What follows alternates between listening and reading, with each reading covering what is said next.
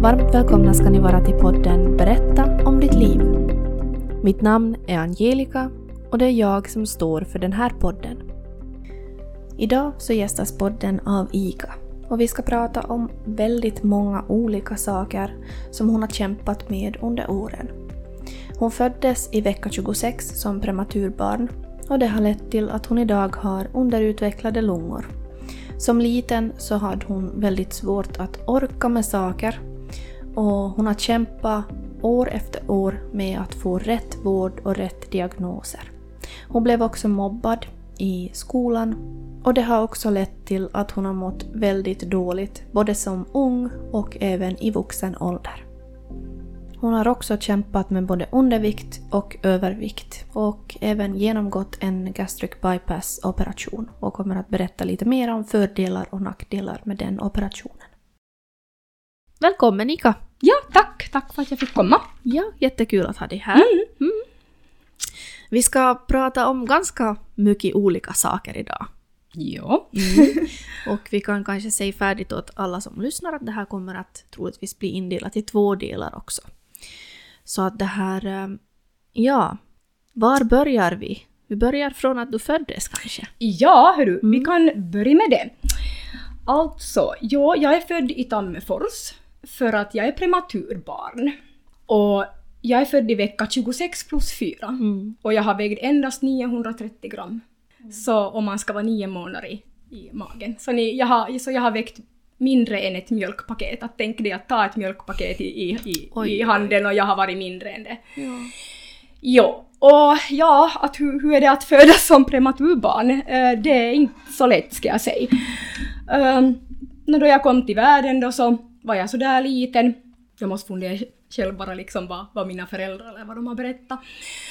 Eh, jag har också liksom slutat andades flera gånger, alltså mina lungor är ju underutvecklade ännu idag. Att eh, då jag har varit som i kuvösen, jag låg ju säkert i kuvös i säkert tre månader eller liksom längre. Men eh, det fanns ju sådana situationer att jag slutade andas, alltså att man håller på dör. Att de liksom får, vet du, försök sätta igång en Mm. och andas på nytt. Att eh, det har ju säkert varit traumatiskt för mina föräldrar också liksom att de eh, miste också första barnet de fick så dog. Ja. Att jag skulle med rätt ha en äldre bror som heter Sebastian och han skulle ha varit idag och gästas. Jag måste börja fundera själv, nå, oj, eh, 40 plus i alla fall Mm. idag. Men eh, att han skulle, han var född på 70-talet. då. Så att ja, det har varit traumatiskt för mina föräldrar. De, de har kämpat faktiskt för att få sina barn, Mm. ska jag säga. Och nåja, um, ja just det där med att jag slutade andas så hände ju många gånger att då var de ju livrädda att okej hon kommer att dö. Eh, jag har också fått mycket uh, blod, eh, vad heter det, blodtransfusion, alltså nytt blod, Mm. så flera påsar. Liksom, jag har ju fått blod, jag har blivit sondmattad, jag har vet du, blodprover, alltså allt de gör då man är där liksom så länge då man är prematur. Ja, jag är ju född då på 88, så på 80-talet. Och såklart det att inte vet man ju så mycket på den tiden att man, forskningen går ju framåt precis som med Mm. prematurer, att allting går framåt. Men om man säger med uppväxten som att vara prematur så nej, inte har det varit lätt. En sån intressant grej minns jag i alla fall att, att min mamma fick höra liksom från vården då att då jag var prematur att de bara som varnade henne och förvarnade att, att ja, att då ditt barn är prematur, att hon kanske inte utvecklas som barn ska göra liksom. Men det var ju tvärtom. Fast jag var mycket mindre än, andra barn så utvecklades jag mycket snabbare. Att jag började krypa snabbare och, och liksom vet du, vände mig och att det var ju mina föräldrar som är jätteöverlyckliga över att få höra att men gud att det är ju som tvärtom. att, att inte är det som de sa inte. Men inte har det ju varit lätt ändå. Jag har varit liksom väldigt eh, infektionskänslig eh, då jag har varit liten. Att jag blev jättelätt sjuk. Att du vet minsta lilla förkylning, ma- magsjuka liksom, det spelar ingen roll vad det var, så var det jag som blev sjuk. Mm. Och sen jag blev ju ordentligt sjuk, att du vet att jag var sjuk länge om jag var sjuk och ofta. Att det, det minns jag själv var jättejobbigt. Som barn annars så var jag också ett underviktigt barn. Jag, jag, alltså jag var till och med underviktig, alltså de till och med bästa lite liksom med föräldrarna att liksom att äter inte hon och får inte hon mat hem. Mm. Men att det har antagligen nog varit som matproblem nog redan då jag var liten. Att till exempel, jag har alltid vägrat att äta frukost. För jag har, alltså, skulle någon ha försöka ge mig frukost så skulle jag säkert ha spytt. Mm. För att jag har som, det har varit som, förstår du att jag måste, som- det är ännu så ännu idag, alltså jag skulle måste, vet du, vara upp någon timme.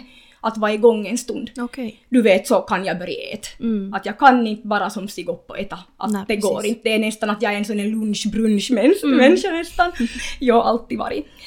Men och jag så, att det där frukost så har ju varit som stort problem redan då jag var liten. Som underviktig. Och en sån sak som, som jag tycker också liksom sådär att hur man nu ser på det att nå, mina föräldrar har ju gjort allt vad de har kunnat, att jag menar inte, inte kan jag ju skylla på dem eller allting men liksom jag hade ju jättemycket äh, ångest och liksom panik att äta vissa saker jag inte tyckt om. Som jag faktiskt skulle kunna nästan börja spy av, till och med ännu idag. Så jag minns att det var ju som så både skämmande och liksom ångestframkallande att tänk dig då barnen var glada, oj att vi ska på kalas. Mm. Att det var ju, normala barn är ju glada att yeah, kalas vet du. Mm. För mig var det bara panik och ångest och ont i magen. För att jag, hade, jag var som livrädd att jag måste äta tårta.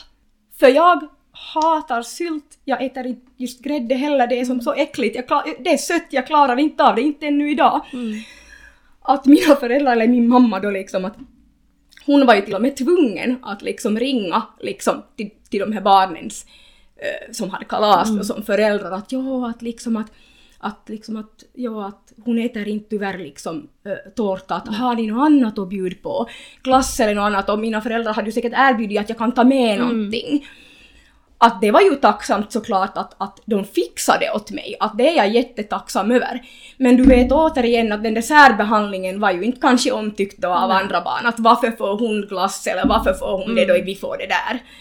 De kunde alltså inte förstå att liksom att Ja, när jag menar, men jag menar okej det finns ju folk som har allergier, men att jag hade bara som, det, det gick inte. Nej, precis. Eh, och det är ju rikt, det är ju också min egen åsikt också redan då jag tänker på det i vuxen ålder, att det är ju nog en bevis på någonting, att någonting är fel. Alltså liksom om ett barn har sådär allvarlig ångest liksom med vissa matsaker. Så tycker jag nog att det är lite, någonting är fel. Så sådana problem har jag haft. Sen har det också varit att, jag minns inte, det, alltså det är ju det att, det är ju så länge sen men liksom då någon frågade att liksom när mina kroppsliga besvär har börjat, när har jag fått sjukt i kroppen, när har jag märkt att någonting har varit fel. Så det måste ju nog ha varit, ja, 90-talet blir det ju. Mm. Du vet på den tiden då alla skulle spela fotboll så jag minns ju det att liksom såklart att mina föräldrar försöker ju allt såklart att man ska hitta en hobby eller att man ska hitta vänner eller att liksom att man ska ha någonting. Och jag försöker. Men jag, jag minns ju här bara att jag klarar inte av det för att det tog så sjukt. Och jag minns redan att blev jag sparka om jag föll, att det tog så sjukt.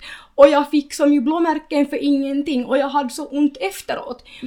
Men och samma sak, nu hade jag ju som väl försöka förklara det åt mina föräldrar men inte, inte vet jag, inte förstod de väl och inte, och inte förstod ju någon. Redan i lågst, då jag tänker efter som det här dagis och lågstadiet med mina kroppsliga besvär, alltså det jag tänker efter att inte har jag ju kunnat göra sådana normala saker som muka normala barn ska klara av. Jag har inte kunnat jul, jag har inte kunnat göra en sit-up för att ryggen har redan varit sjuk då, jag har inte klarat av det. Och så har man då bara fått höra, liksom vet du, av skolorna, liksom att, nej men typ som att man är lat. Mm. Och så måste du ju förstå att liksom redan i den åldern då så, ja, och plus mobbning då, det lagar ju inte saker bättre heller. Att liksom att jag blev ju passiv. Mm. Att du förstår att om man då märker att man blir sjuk då man gör någonting och man börjar undvika saker, men då, då rör man ju kanske inte på sig så mycket. Och så handlar det ju om genetik och du vet, det är ju många orsaker till övervikt. You know. Sen då jag kom i tonåren, så, eller tidigt, vad heter det, tidiga tonåren, Mm. så då fick jag ju mitt i allt då problem med övervikt som jag aldrig har haft. Då jag var ett underviktigt barn, alltså liksom, jag var underviktig. Och då kan du ju tänka dig att då blev ju mobbningen ännu värre. Liksom då man, då man då är fetast i klassen. Eh, så det gör ju inte som saker bättre. Och, och återigen det här vanliga att, att man är lat och tjock, att det är som orsaken till att de, de det är ju så. Och samma sak högstadiet då jag tänker efter och jag hade ju problem med vikten då redan. Blev mobbad för det redan. I högstadiet slutade jag äta lunch. Jag gick ner 10 kilo. Och inte ska ju riktigt en 14-åring kanske gå ner 10 kilo. Och samma sak ändå i högstadiet, alltså, och det kom också fram liksom, jag har ju som sitt journaler från lågstadiet och högstadiet, att liksom att det börjar ju komma fram då den där i högstadiet, att jag har ju klagat på att jag haft ont i axlar, nacke, huvudvärk och jag hade ju det ofta.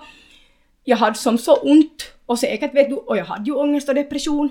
Jag försöker söka hjälp, jag försöker, men inte, inte lyssnade ju. Och samma sak, jag minns ju helt att jag en gång hade så ont och jag hade huvudvärk.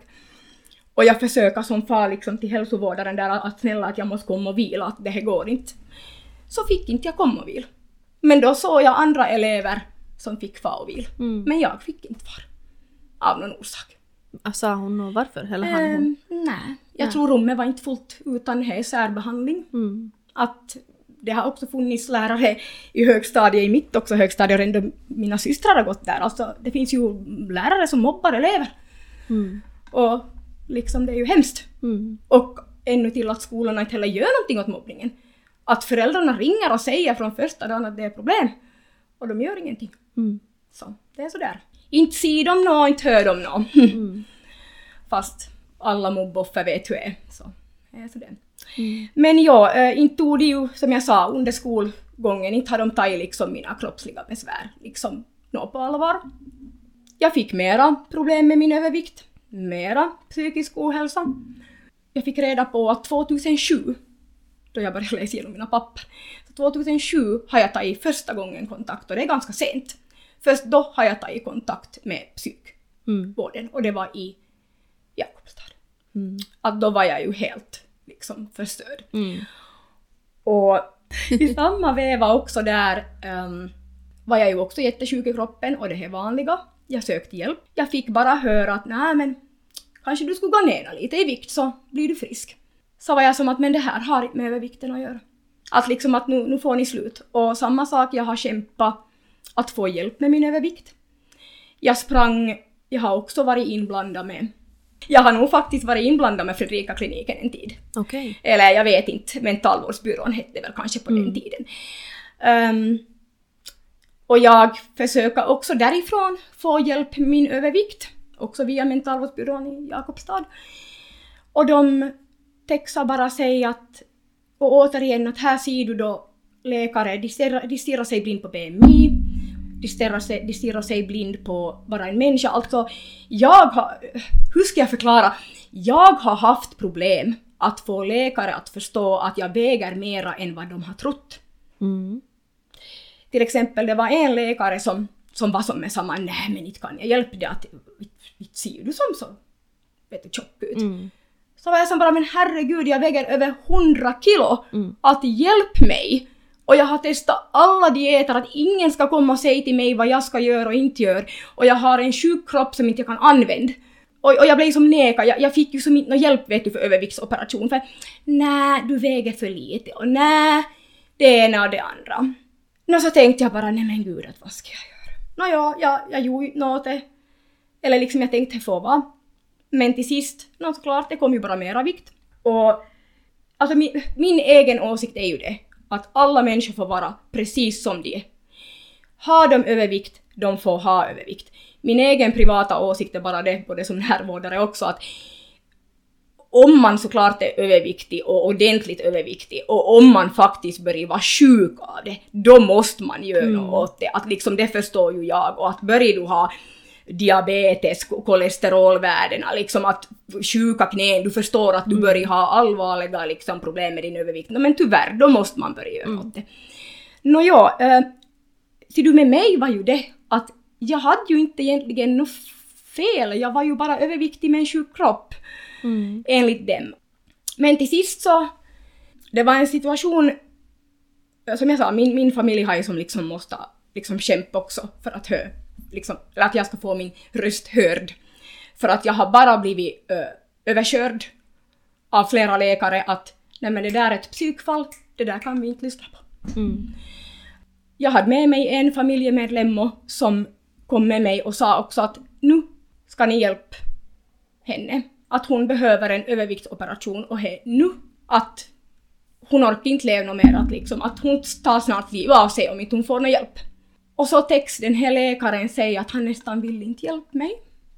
För han tycker som, han bara tog sin egen liksom åsikt bara att liksom att nej men att vad skulle du klara av, tog det. Vad skulle du klara av en gastric bypass? Jag hade ju ingenting att försvara mig med. Mm. Och det resulterade i att min äh, familjemedlem ropade och skrek med läkaren och hotade att nu får du hjälp. Att nu skriver du den där jäkla remissen. Att det är inte ditt beslut om hon får hjälp eller inte. Att det är en specialist Mm, som tar precis. det beslutet. Att det är inte du. Nåja. Jag flög ut ur rummet, min familjemedlem flög ut ur rummet, läkaren for ut ur rummet, alla var förbannade och liksom att nu, att han var urförbannad men han skulle skriva en remiss. Mm. Och han textade till och med sig att, att det här blir inte någonting. Mm. Så sa min familjemedlem, ska vi se? Att det här blir till någonting. Mm. Nåja, så var jag nervös och, men ändå lycklig att oj yes, att nu får jag fara till, till Vasa centralsjukhus och visa upp mig och liksom berätta liksom min historia med min övervikt och hur det har börjat. Så fick jag ju liksom bekräftat och därifrån att då jag har berättat Nå, inte tog de återigen riktigt så här mina kroppsliga besvär riktigt i beaktande heller, men jag fick ju lite nog bekräfta att såklart genetik, men också ö, de pratar om hormonrubbningar. Att det är som några hormonella fel. Mm. För till exempel att min mamma var också smal, men hon fick jätteproblem med övervikt efter hon fick oss. Och det är också hormonellt då man är gravid. Eh, och han påpekar ju då den här specialisten att ja, no, men du har kommit i tonåren och är också hormonellt då, och som han förstod då att passivitet då på grund av smärtor plus mobbning och sen då har jag ätit psykmediciner som har lagat mig ännu rundare. Att, att liksom, man förstår ju liksom att det blir bara värre. Mm. Mm. Och de hade också sett att jag hade försökt allt för att liksom försöka gå ner i vikt. Och innan liksom man blir godkänd gastric bypass så måste du gå ner 10% av din Okej. vikt eh, på diet, en sån här soppdiet.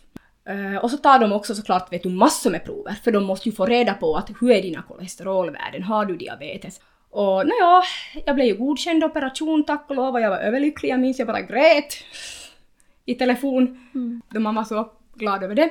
Men jag sa att de kollar som upp vad man har för fel. Och, och ironi är det här då. Till och med den här läkaren blev förvånad.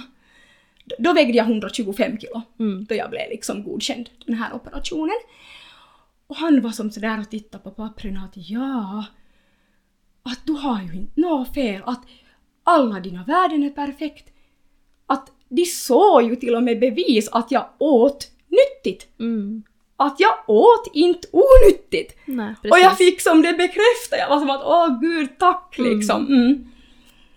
Det var Så säkert skönt. ja, Mm. det var verkligen skönt. Ja. Alltså du sa det här var på 2028? Eh, nej, alltså Nej. 2007 eh, började jag ta kontakt med, med, med som, inom Okej. psykvården. Mm. Men vet nu, alltså gastric bypass, vet nu, jag blev godkänd väl 2009.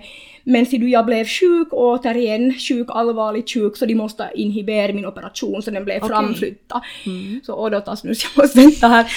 Ja, jag tror jag har blivit opererad nu 2010, våren 2010. Mm. Så du var då, du sa du var född 88? 80, 88 är jag född. 98.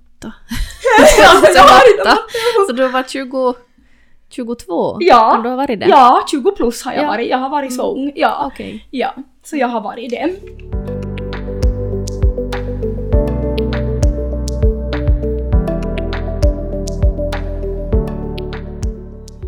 Det jag också har varit arg på människor också, att de tror att gastric bypass är någon jäkla quick fix. Mm. Nej men seriöst, alltså sådana människor blir jag ju förbannad på rent ut sagt.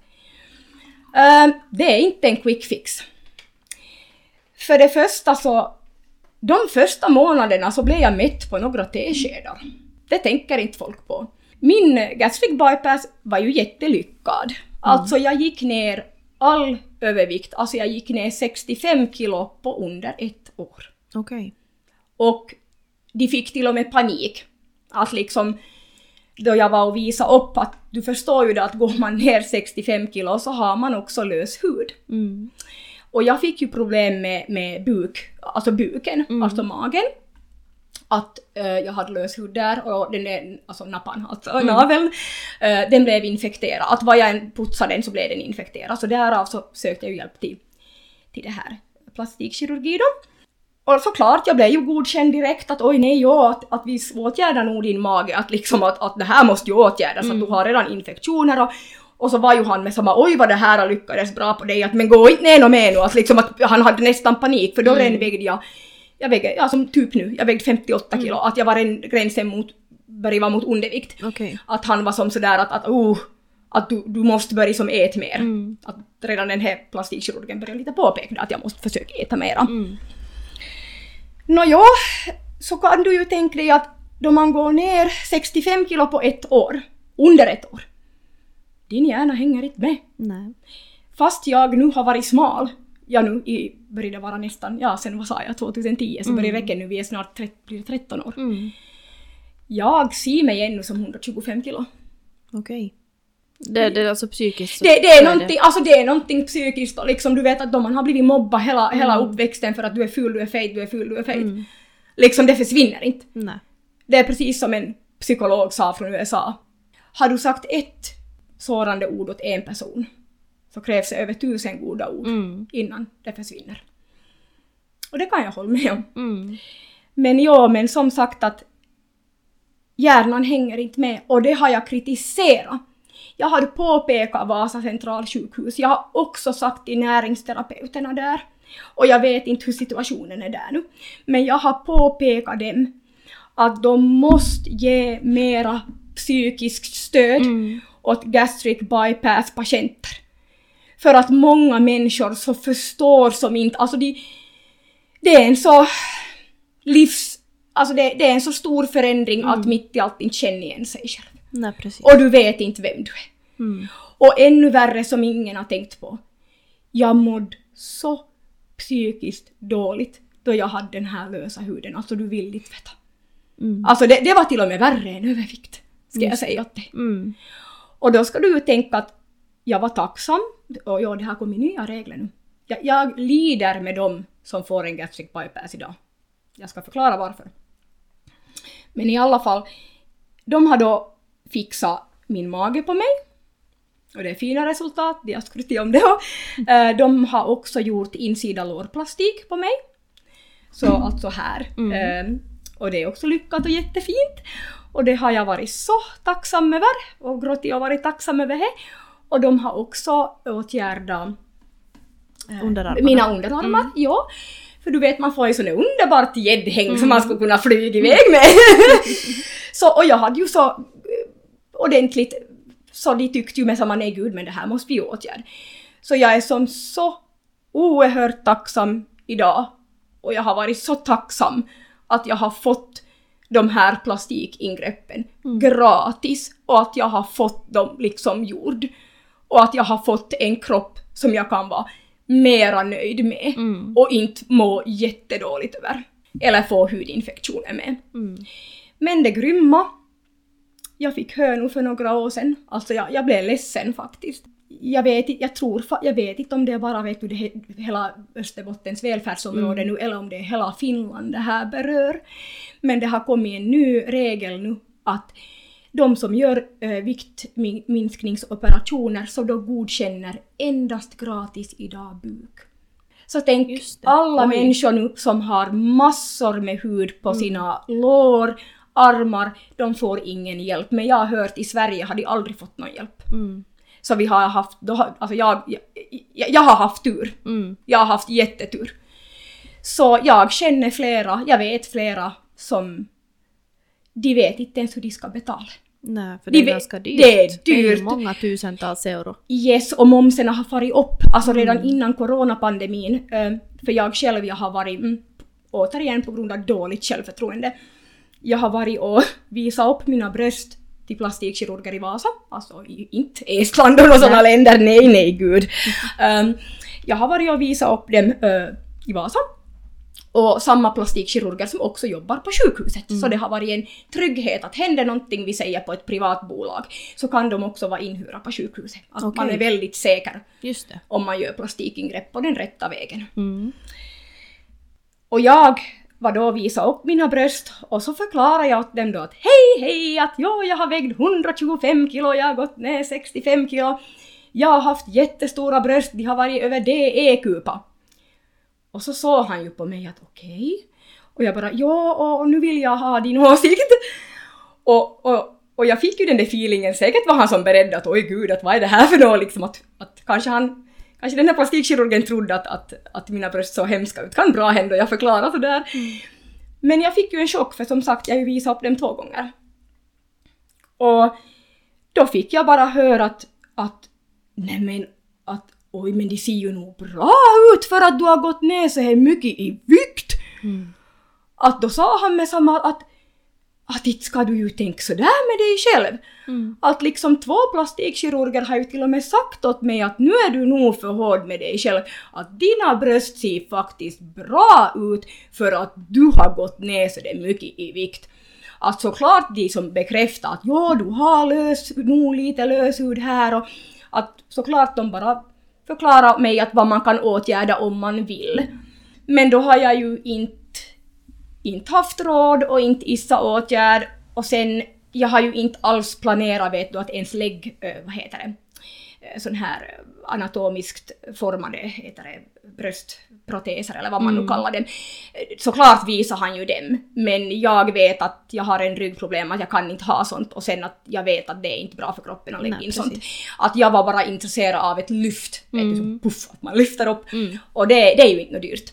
Men att då fick jag reda på att skulle jag ha gjort hela köret, mm. alltså inlägg och lyft, hela köret, så skulle jag ha, hamna på 8000 euro. Okay. Men det är länge sedan, jag tror det är ännu dyrare idag. Mm.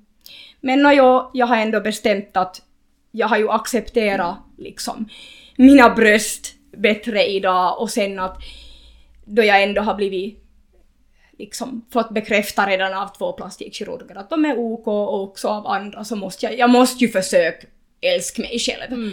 för den jag är. Absolut. Och sen att då jag är infektionskänslig så vågar jag inte som far på onödiga operationer för det kommer jag också att berätta om. Nåja, um, då som sagt jag har opererat då som jag sa bukplastik, arm och insida lår. Men folk, folk tänker ju som inte på sådana saker heller att då du går igenom ett plastikingrepp, det är ju en risk. Det är mm. smärtor, det är en risk.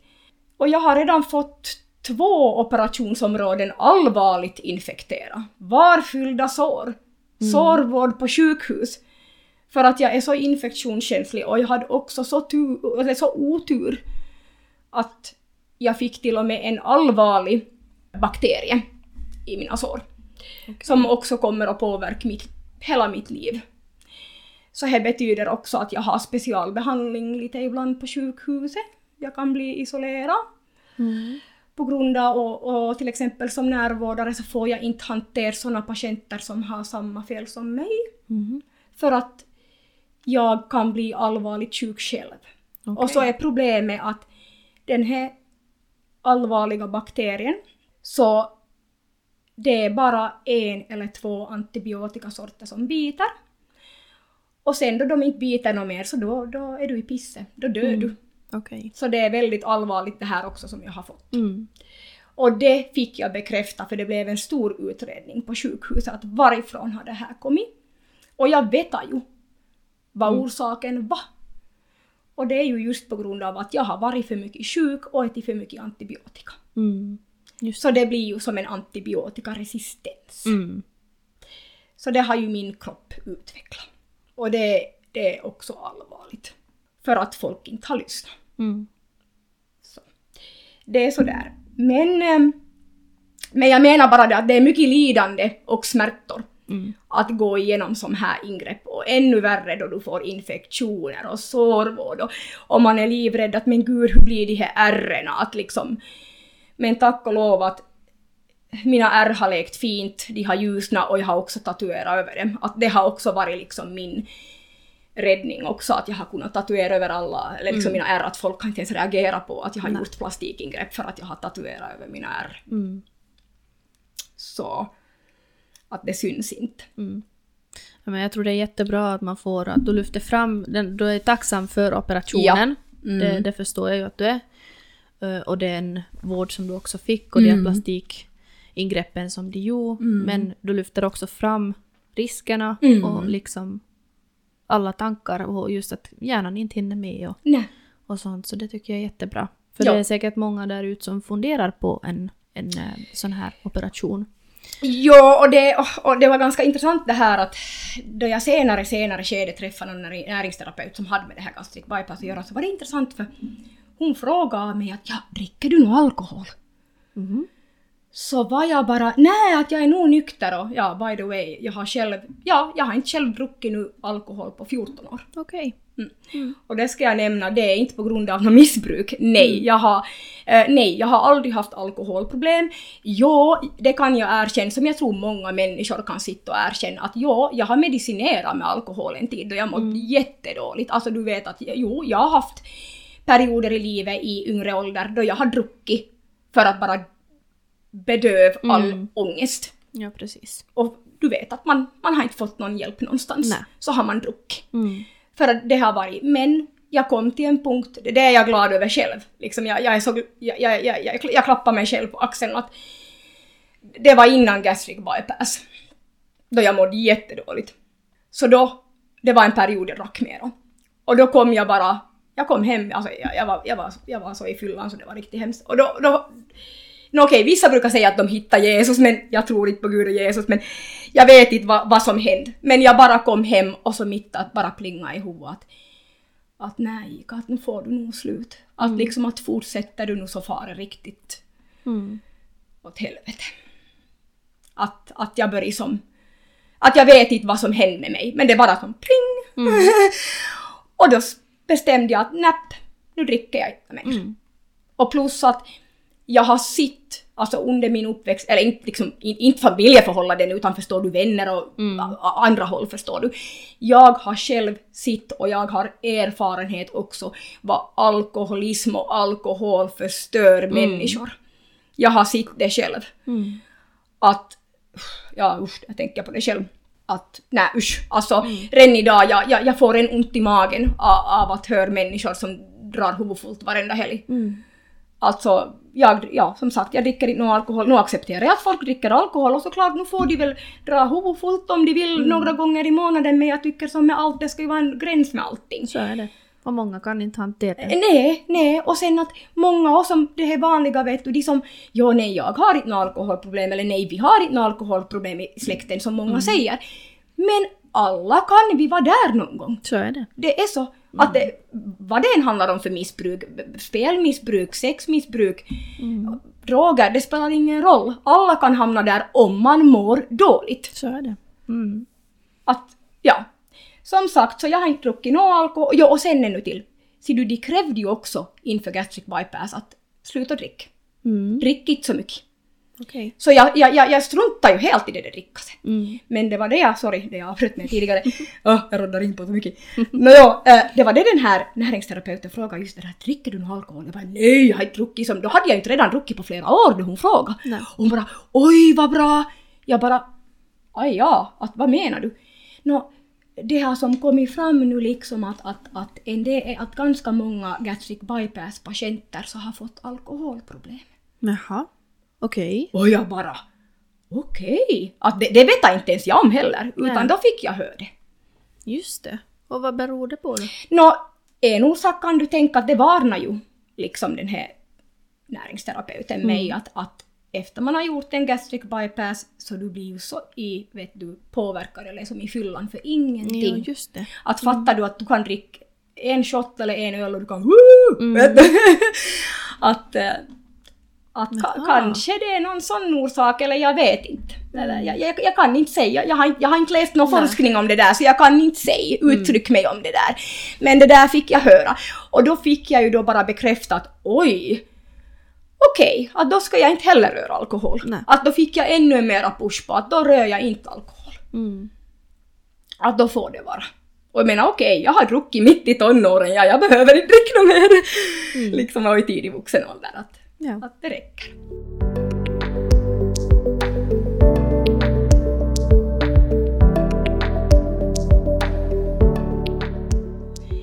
Jo. Eh, och som jag då sa tidigare, att jag har kritiserat nog sjukhus att, att, och jag har också sagt till, till eh, man kallar det ju Ropanäs i Vasa, men det är sjuk, mentalsjukhuset, men det är ju olika avdelningar där, det är bara i pratmun man säger så, men jag har ju också påpekat dem att, att sjukhuset skulle faktiskt måste sats att ge mera psykiskt stöd åt de som går ner i vikt på det här sättet. För Mm. att man, man får inte... de- De har helt glömt bort. Jo, jo, man gör operationen och så, och så blir man på utkastad. nej, Ja, ja, så är det färdigt. Mm, precis. Men ja, inte det så lätt då. Nå ja, så... Nå det glömde jag säga innan jag gjorde gastric bypass. Jag hade haft jättemycket alltså magkatarrer och magproblem och tarmproblem och stress och ångest, depressioner, du vet. Så min gamla mage, jag var, jag var till och med överlycklig att få den bortkopplad. Mm. För jag hade så mycket magkatarr. Så att redan att få som en... Som då man gör gastric bypass, så det handlar ju om att du kopplar, du, du, du, du kopplar bort hela magsäcken och så drar du som en genväg direkt till tarmarna. Och så gör de som en, en liten magsäck av din tarm. Okej. Så det är snabbt förklarat. Men det finns olika magoperationer, jag har hört de gör något annat idag, men som sagt, så här går det till. Eh, så jag tog ju också som för givet lite sådär att, att okej, att kanske mina magproblem försvinner nu. Att yes, att oj, inte magkatarrer, inte så att liksom nu, nu vill inte jag det här något mer. Men oj så fel jag hade. Inte tog ju nog länge. Jag måste nog fundera, nu var jag säkert bara nog max ett år eller något efter det ingreppet så började jag ju få magkatarrer igen fast inte jag har en magsäck. Få problem med det igen och problem med tarmarna. Eh, Infektionsvärdena hög, höga. Eh, Jag reagerar allt på... Och, ja, och det här är ju en intressant grej. Det här ska jag också påpeka med gastric bypass.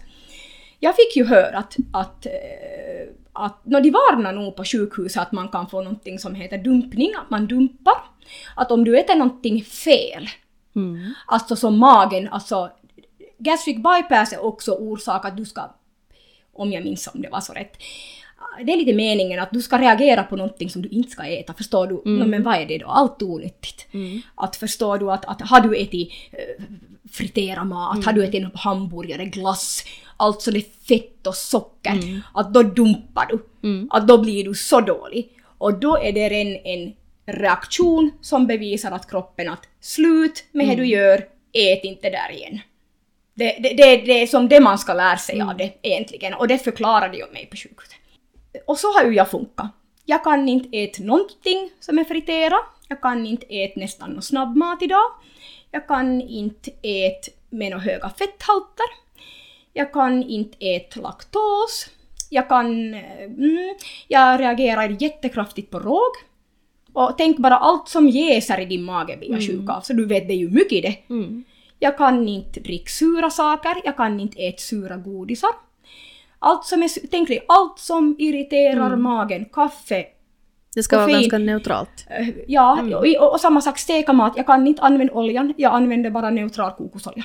Att jag har måste som ändra min diet totalt. Jag äter inte något rött kött mera, jag äter bara kyckling och vegetarisk kost i allmänhet. Mycket vegetariskt. Och, här, och, och det har jag alltid gjort, samma sak.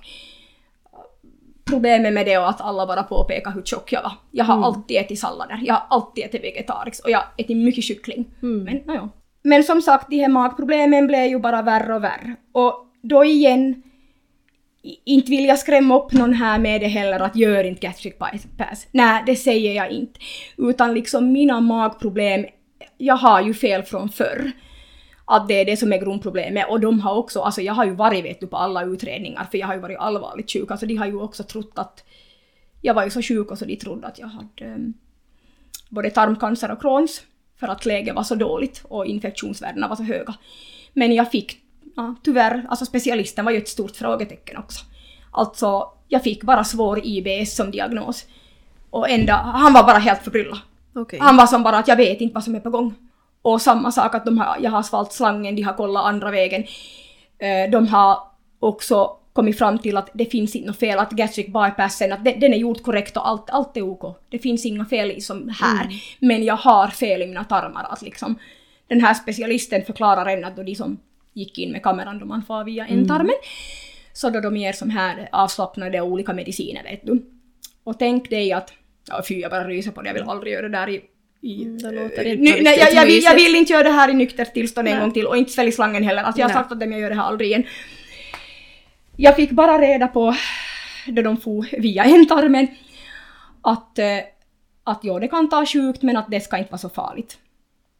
Det var så traumatiskt för mig så jag fick ju muka reda på att de gör det där att, att tarmarna ska så muka inte som liksom, vet du, reagera så kraftigt. Men då hade ju specialisten sagt att mina gjorde ju bara som så här. Alltså, Okej. De bara krampa och krampa och Mm. krampa.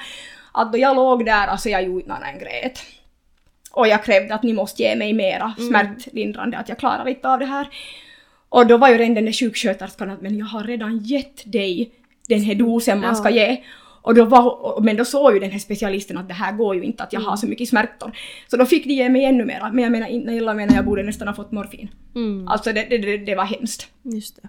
Att det där går jag inte med på en gång till. Mm. Om de börjar hot med dig igen, så då får de sövja mig. Ja.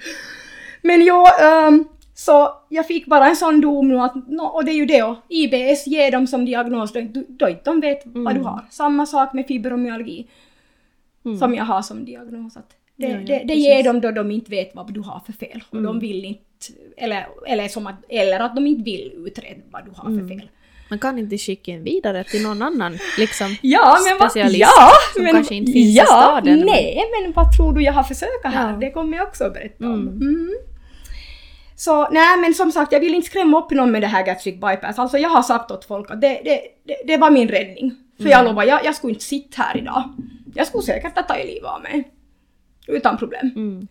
Men såklart, då har det ju svängt om och blivit helt tvärtom. Att nu har jag ju så mycket mag och tarmproblem och nu är det ännu värre situation. Jag fick bekräfta att de har hittat några lite värre saker där och som måste åtgärdas annars kan det utvecklas till mag och tarmcancer. Att jag måste äta någon värsta, ja usch jag mår bara illa, jag tänker på det. Allt en sån här hemsk eh, kombinerad två olika sorters antibiotikasorter på en gång. Okej. Och jag, blir, och jag blir redan jättesjuk av en antibiotikakur så Mm. jag har en ångest över nästa vecka. Hur länge måste du äta det? En vecka. Mm. Och det är noggrant för de berättar att, liksom att äter man inte den där kuren exakt och inte hela kuren så då är allting förstört. Mm. Okej. Alltså liksom då är, hela, då, då är man som tvungen att gå om kuren på Mm. nytt. Och så är jag också tvungen att vara på uh, sådana här tester att de måste se att det är borta rätt. Okej. Så jag har lite att se fram emot nu. Mm.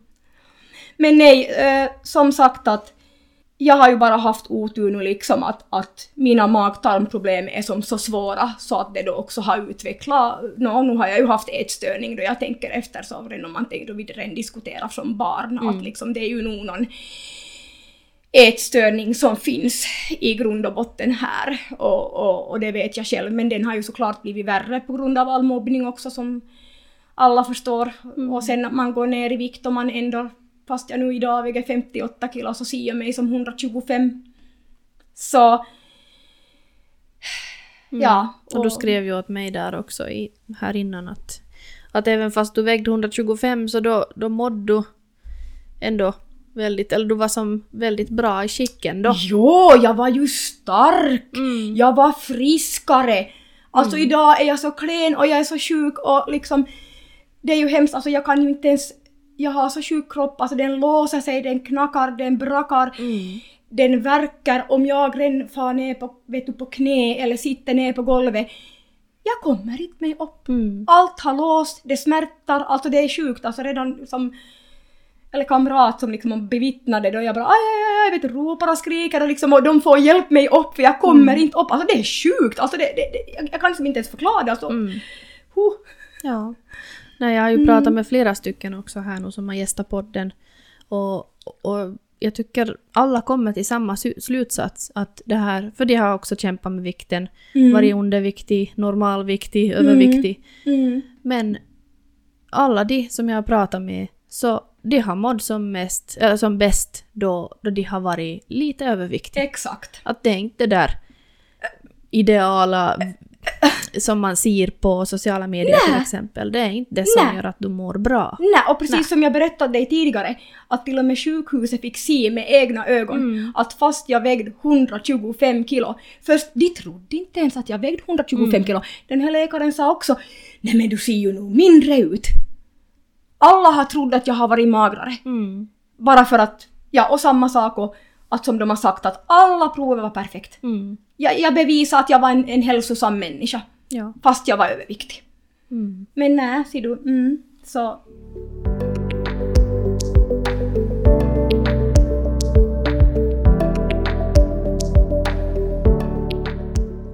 Nej, alltså jag tror man får nog kanske börja släppa det där att man ska vara jättesmal, för Mm. man mår inte bra. Nej. Inte ska man, som, som du sa också, att Mm. om man börjar ha värk och, och fysiska problem och diabetes och sånt av, av vikten, så då måste man ju börja Mm. tänka efter. Mm.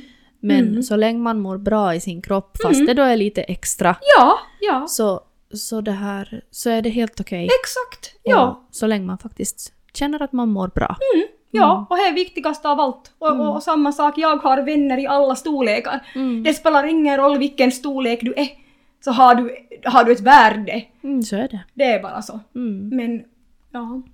Ja, jag har läst, det finns en sån där quote att, att det spelar ingen roll om det är underviktig, normalviktig eller överviktig. Att, Mm. att man är jätteviktig. Mm, ja, liksom- exakt. exakt, ja, och jag tycker bra. det är så sant, Mm, för att det mm, stämmer. Mm. Det spelar ingen roll Nej, så länge man mår bra i sig själv. ja, Mm. exakt.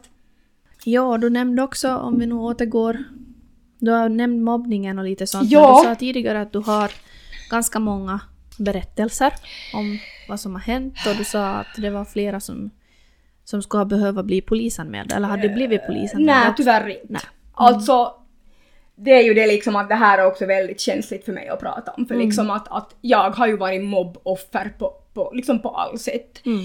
Jag har blivit beskylld för saker jag inte har gjort.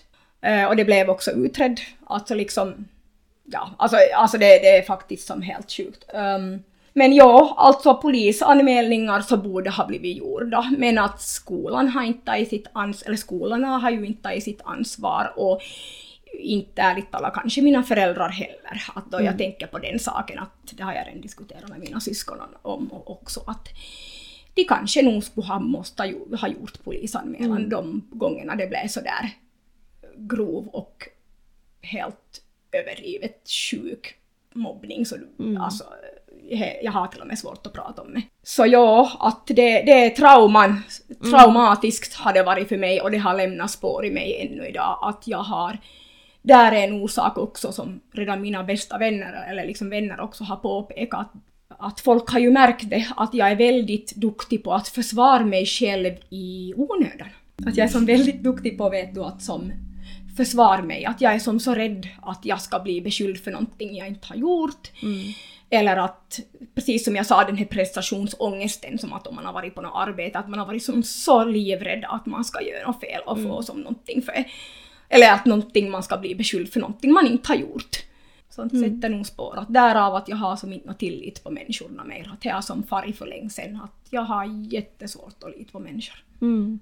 Men ja, alltså jag har ju blivit mobbad hela min uppväxt för att jag har varit fet, ful.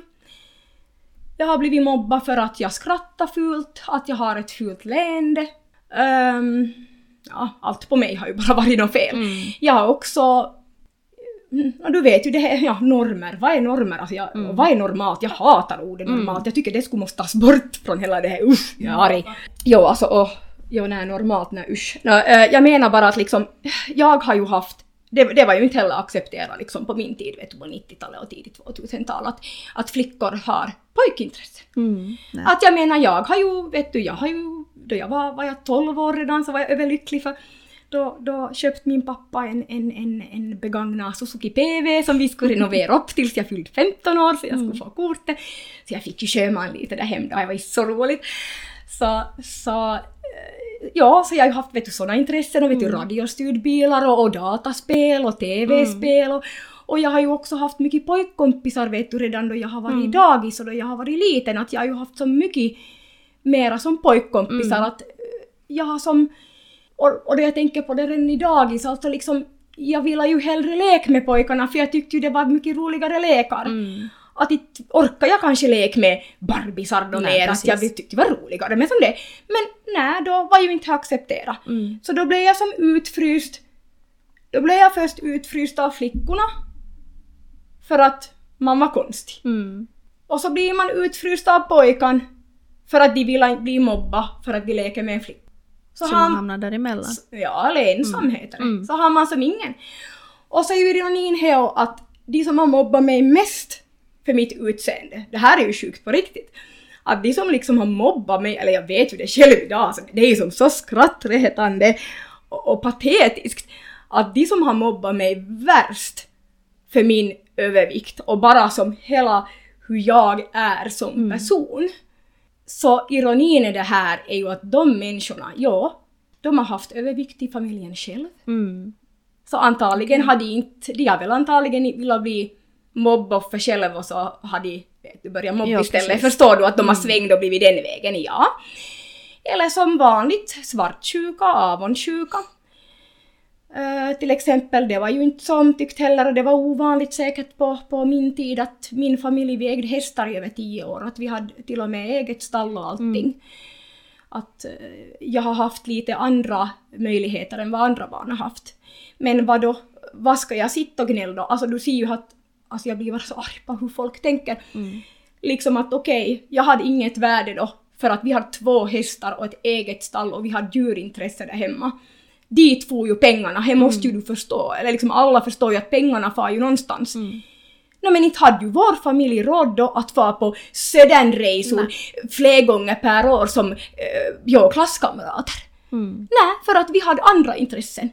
Men du vet, då, man var, då var man ju utanför med det då. Då man aldrig hade råd att fara på en semester. För det skulle man ju göra. Mm. Man skulle ju fara till Åh, Gran Canaria. Oj, vi har varit hit och dit. Man bara, ja, ja, kul för dig.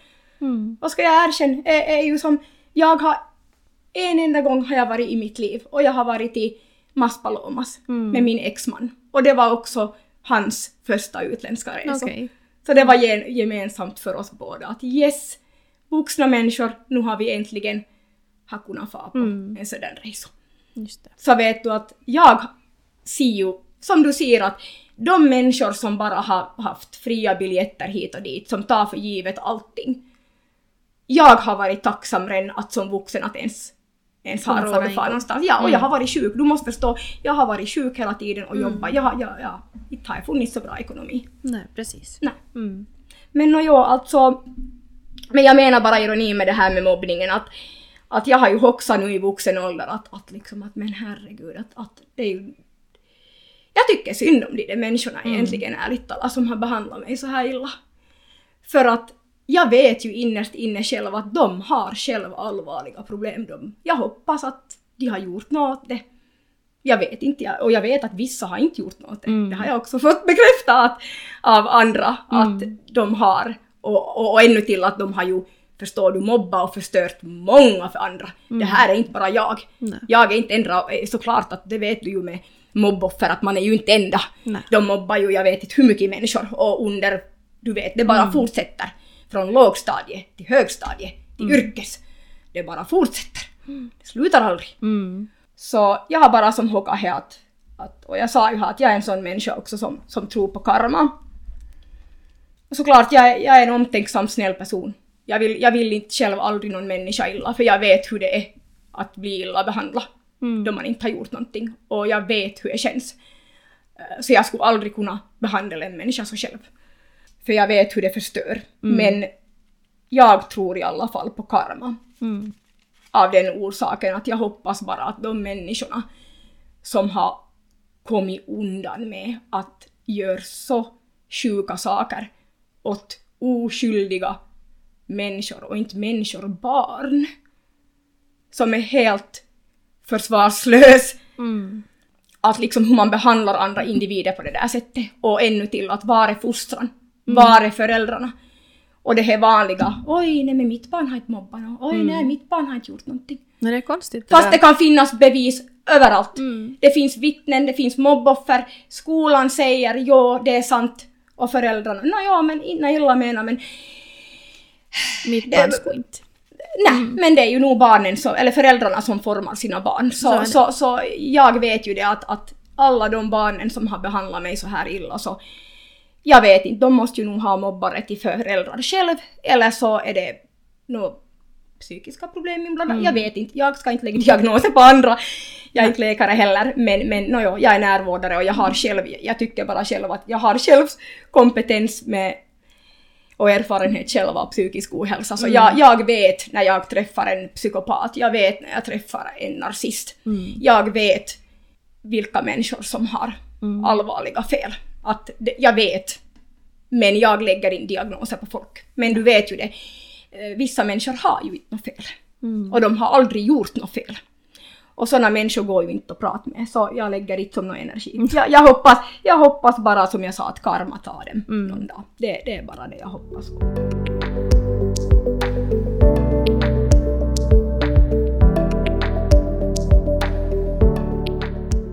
Nej, jag vill ändå gå tillbaka lite till då vi pratade om det här med eller som skolgången och just att du var mera som en pojkflicka. För jag kände igen mig eh, ganska mycket också själv för någonting som jag hatar. Alltså nu är jag född på 91. Ja. Eh, och jag gick då i, i Ytterösse skola, en liten byskola. Och eh, det här tror jag var överallt också, det var ju inte bara här. Men, men man hade ju handarbete.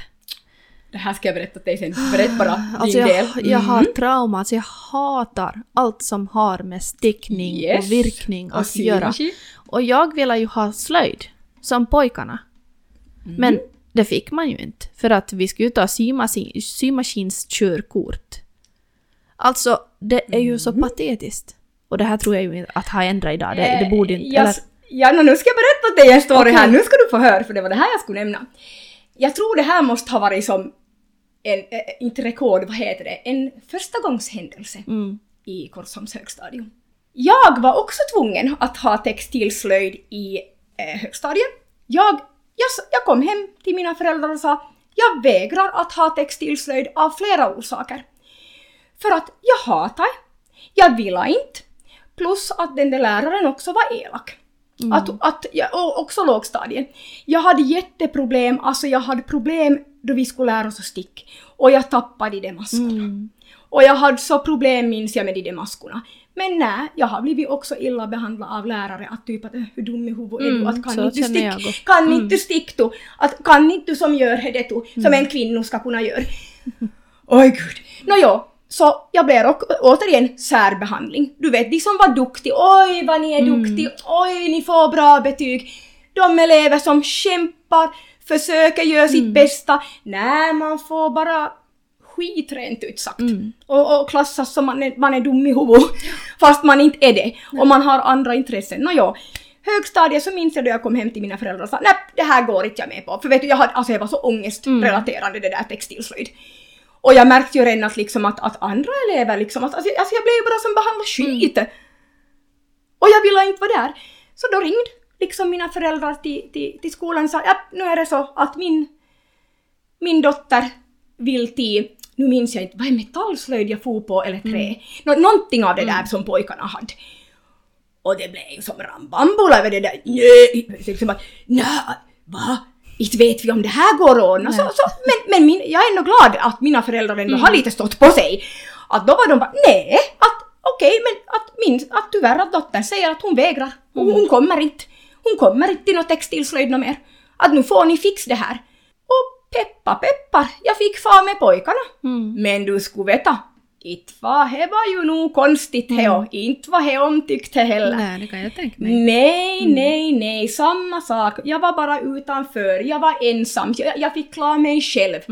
Men jag fick äntligen göra någonting jag ville göra. Hur var läraren mot dig där? Eh, jättebra. Okej. Alltså jag var tacksam för han märkte ju att, och jag tror, jo, och minns jag rätt, och jo, om jag minns rätt så, vi hade silversmidje då också. Och jag var så lycklig för vi fick ju alla egna smycken. Ja, just det. Och, jo, och, och det var en jätteduktig lärare. Jo, alltså det, det, det, och, och han såg ju mig också och märkte att hur händig och duktig jag är. Och jag är ju praktiskt, vet du, belagd jätteduktig. Att jag är ju också en sån person, vet du, att, att bara någon visar några gånger så kan jag det. Att liksom att jag behöver inte ha den där teorin, att jag är som praktiskt väldigt. Och samma med, har jag fått hör, gehör. Okej. Att om jag hör någonting så jag har spelat piano förr men inte mm. mera. Att jag har också igen, jag har inte kunnat läsa av noter. Nej. Jag har haft problem med det men jag har kunnat klinka på med gehör. Att läraren har bara plinkat och så har jag plinkat och så har jag kunnat det. Ja, precis det. Ja. Men ja, det där var ju inte omtyckt då heller att man som Mm. Vill göra det byter till någonting. Ja, ja, ja, ja. Och, och det var ju ovanligt redan på min tid. Men det har jag ju fått bekräftat. Det, det, är ju, det är ju inte så idag tror jag på Korsholms högstadium. Nej gud, alltså nej nej. Jag tror jag fick bekräftat att de får välja fritt idag. Ja, det hoppas Och ja, jag hoppas det jag och liksom, men ja. Men, men tänk liksom det är det gammaldags sättet att kvinnan ska sy och kvinnan Ja, det är ska ju inte länge sedan det här. Det är det som är så Nej. skrämmande för att, nej, Jag har också som liknande erfarenheter från högstadiet då vi hade handarbete. Och jag hatar ju det. Jag ville eller textilslöjd. Mm, Jag mm, ville, jag ville aldrig vara där. Och jag var alltid sist. Och jag fick alltid läxa att ta hem och Exakt, fixa. Och så var det exakt. mamma som stickade åt mig. Och jag minns i något skede, jag minns inte ens varför, men jag var så jag var så förbannad på den här läraren, för hon var också vår religionslärare. Ja. Mm. Och eh, ja, jag heter ju Angelica då, och det här är ju inte kanske så vanligt namn. Och det är Mm, som mitt namn. Mm. Ja, Mm. mm. Som jag också blivit mobbad för. För Okej. mitt namn. Ja. Mm.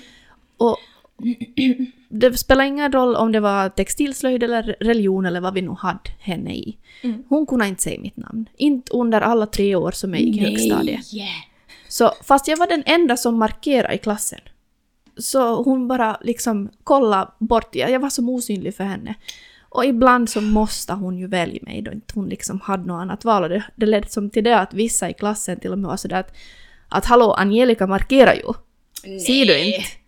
Och hon bara ja, Angelica. Så, så det var flera som sa Angelica heter hon. Mm. Nå, i alla fall den här läraren så jag minns att mamma ringde någon gång och för jag blev riktigt grälande med henne och jag var inte någon som grälade med en lärare. Nej. Jag var snäll och jag var duktig i skolan men jag hatade handarbete. Mm. Mm. Mm. Och det här, ja, nå, hon var i alla fall, hon blev grälande med mig och min mamma i något skede av någon orsak. Men eh, så var det också någon gång som jag hade ställt till någonting med, med mitt arbete då som jag höll på med. Uh, det sket i sig brutalt. Vilket det ofta gjorde.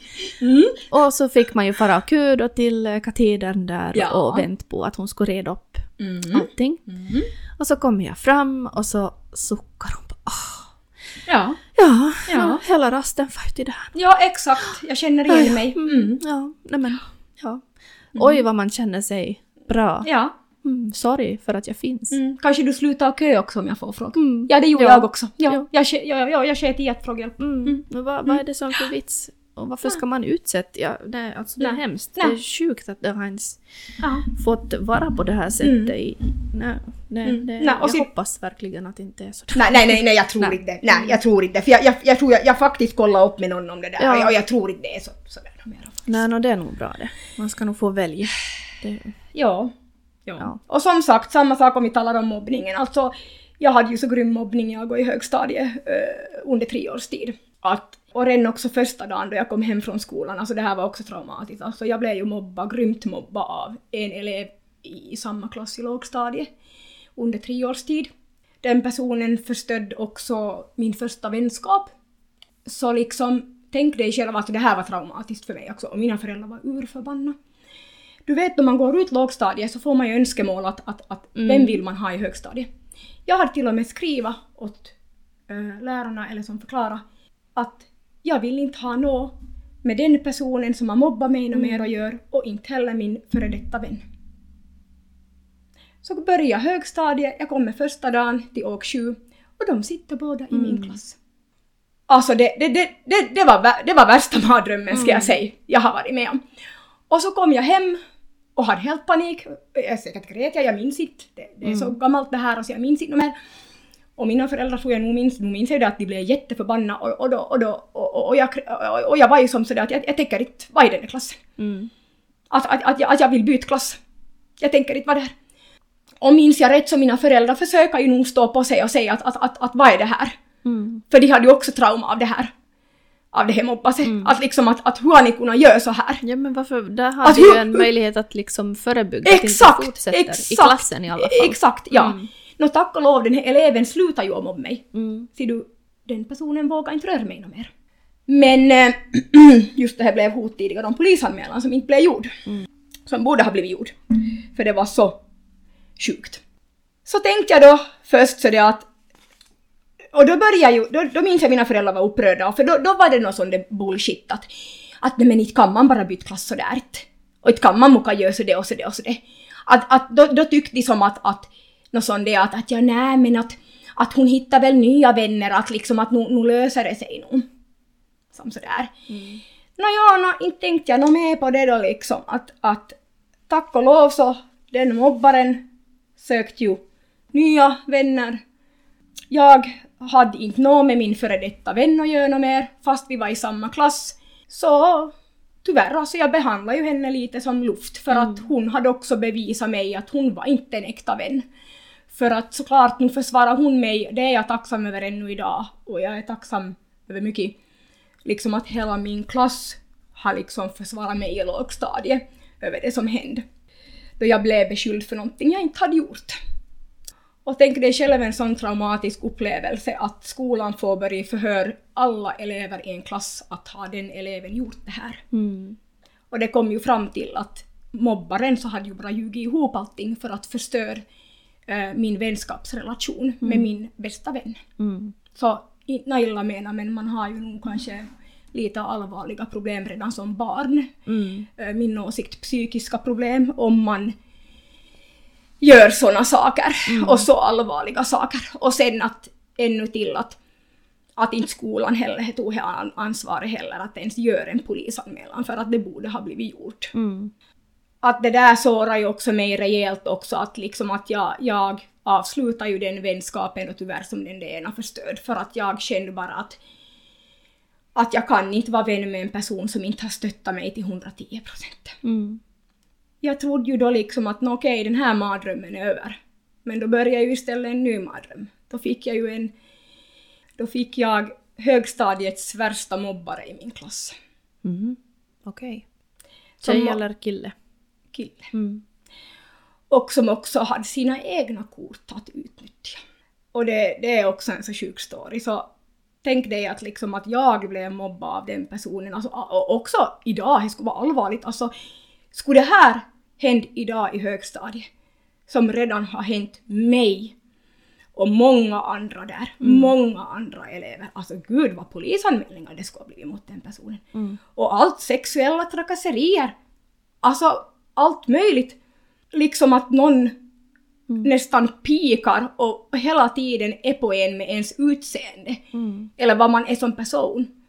Och liksom, och som också sprider mobbningen till sina andra vänner i andra årskurser. Så att de mobbar också andra elever över hela skolan. Mm.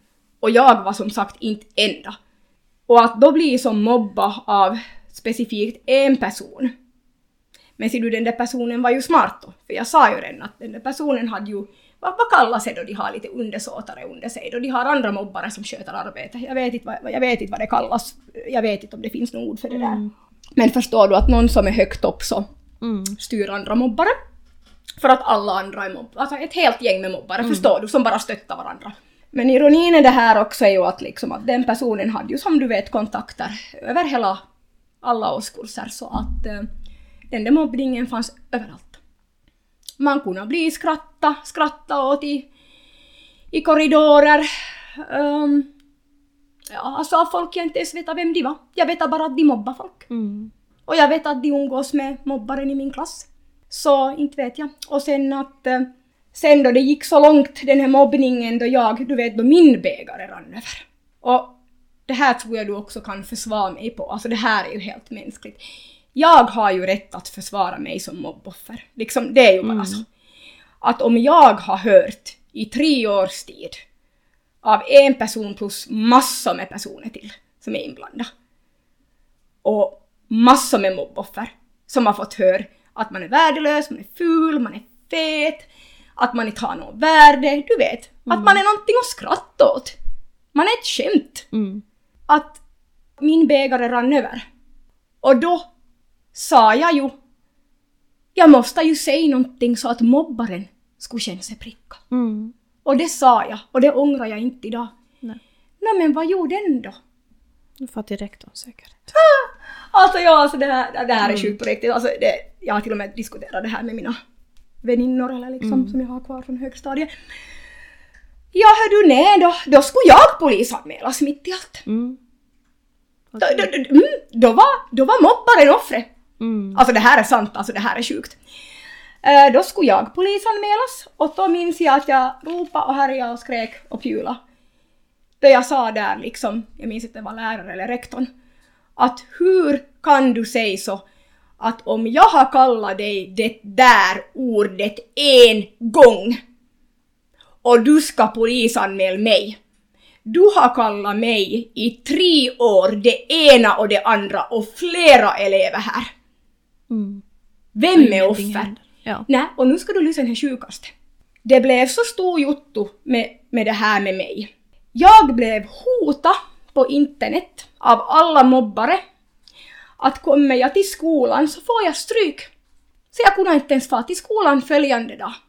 För att alla mobbare skulle ge mig stryk. Mm. För att jag har stått på mig och sagt att nu räcker det. Och för att jag har kallat någon något annat. Mm. Alltså det här är helt sjukt. Det är nog det.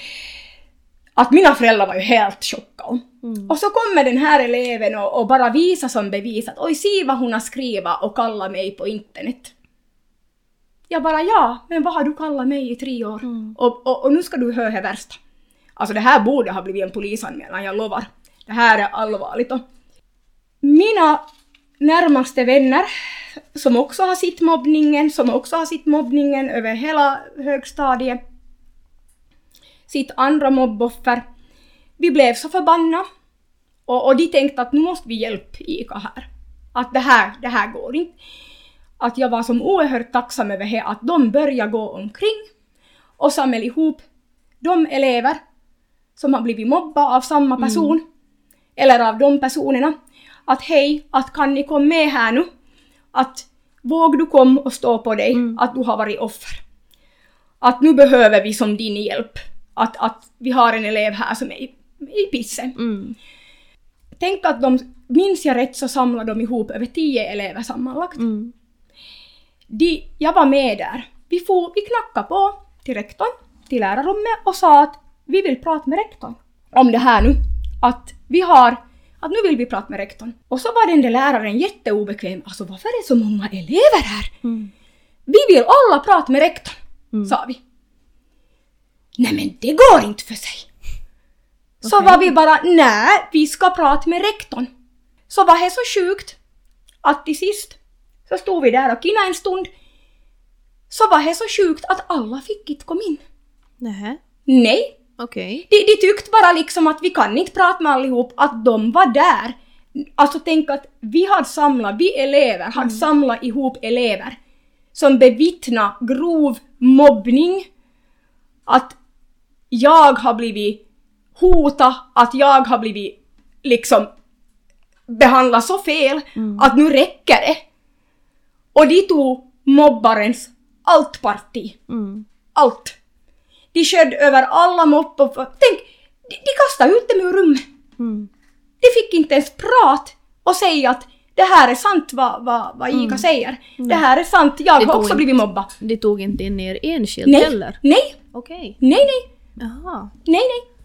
Enda det blev utredning med, med var med mig och mobbaren och det var okay. jäkla kalibalik och så tyckte de bara att det blir till ingenting. Det var hot om polisanmälan, det blev ingen. Mm. Men det borde, men no, det var ju jag som skulle polisanmälas mitt i allt fast Mm. jag var offer. Det är ju helt insane.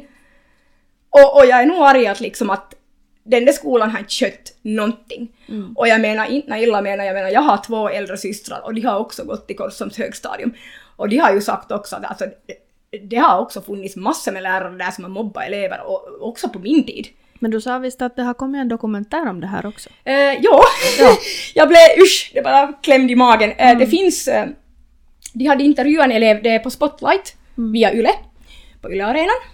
Så det finns nog ett avsnitt där någonstans eh, om skolmobbning. Idag är ju, jag vet inte om man får säga namn riktigt, men nå, jag, jag, jag vet ju vem som är rektor idag. I alla fall, och jag nämner inte namn, det får folk gissa ut själv. Det, det är i alla fall en, en ny rektor, de har ju re- de har ju bytt många gånger rektor i Korsums högstadium. Men eh, i alla fall så, där på Spotlight nu, så hade de ju intervjuat en elev. Och hon hade gått då i Korsums högstadium och hon hade ju varit öppen om hur grym den här mobbningen har varit. Och då hade ju Spotlight också farit till Korsums högstadium och pratat med den här nya rektorn som, har, som är där. Mm. Men jag skrattade ju nog lite själv då, då det var som lite sån där reaktion att oj, men oj, har vi haft mobbning här? Jaha, oj, det var oj, liksom... oj, har vi mobbning i vår skola? Mm. Det är som att jag blev lite chockad att seriöst, vi lever i 2023. Och rektorn är inte medveten. Eller Nej, hon, låtsas nej och tänk, de till, och med, de till och med Spotlight bevisar vad den här eleven har sagt och visat och hon satt där som ett stort frågetecken. Mm. Så jag blev som sådär att men herregud. Mm. Att är det samma ännu idag? Och då jag tänker efter på det själv, alltså ja, som jag sa, högstadiet, liksom, det, var, det var ju jätteplågsamt. Alltså jag menar, jag, jag skolkade. Jag brydde inte mig i vitsorden. Alltså, tänk att inte ens heller lärarna har tänkt på det heller att, no, det är ju flera orsaker. Som jag redan sagt att jag fick ju en ADHD eller ADD-diagnos nu i vuxen ålder. Liksom att det är så mycket de har missat med mig, Mm. alltså det är ju som helt grymt. Alltså man blir ju som, är rent ut sagt förbannad. Mm. Och att man har också blivit behandlad så illa och också inom skolsystemet att de inte har tagit något ansvar. Och sen mina föräldrar då, att de har försökt göra allt. Och det här var del ett av ICAs berättelse. Del två så kommer att släppas nästa söndag. Vill du redan nu lyssna färdigt så kan du gå in på Bli VIP-lyssnare. Då kan du lyssna på del två redan idag. Du stöder podden med en liten summa på 2 euro per månad och då får du också tillgång till bonusavsnitt som släpps varannan fredag för endast VIP-lyssnare.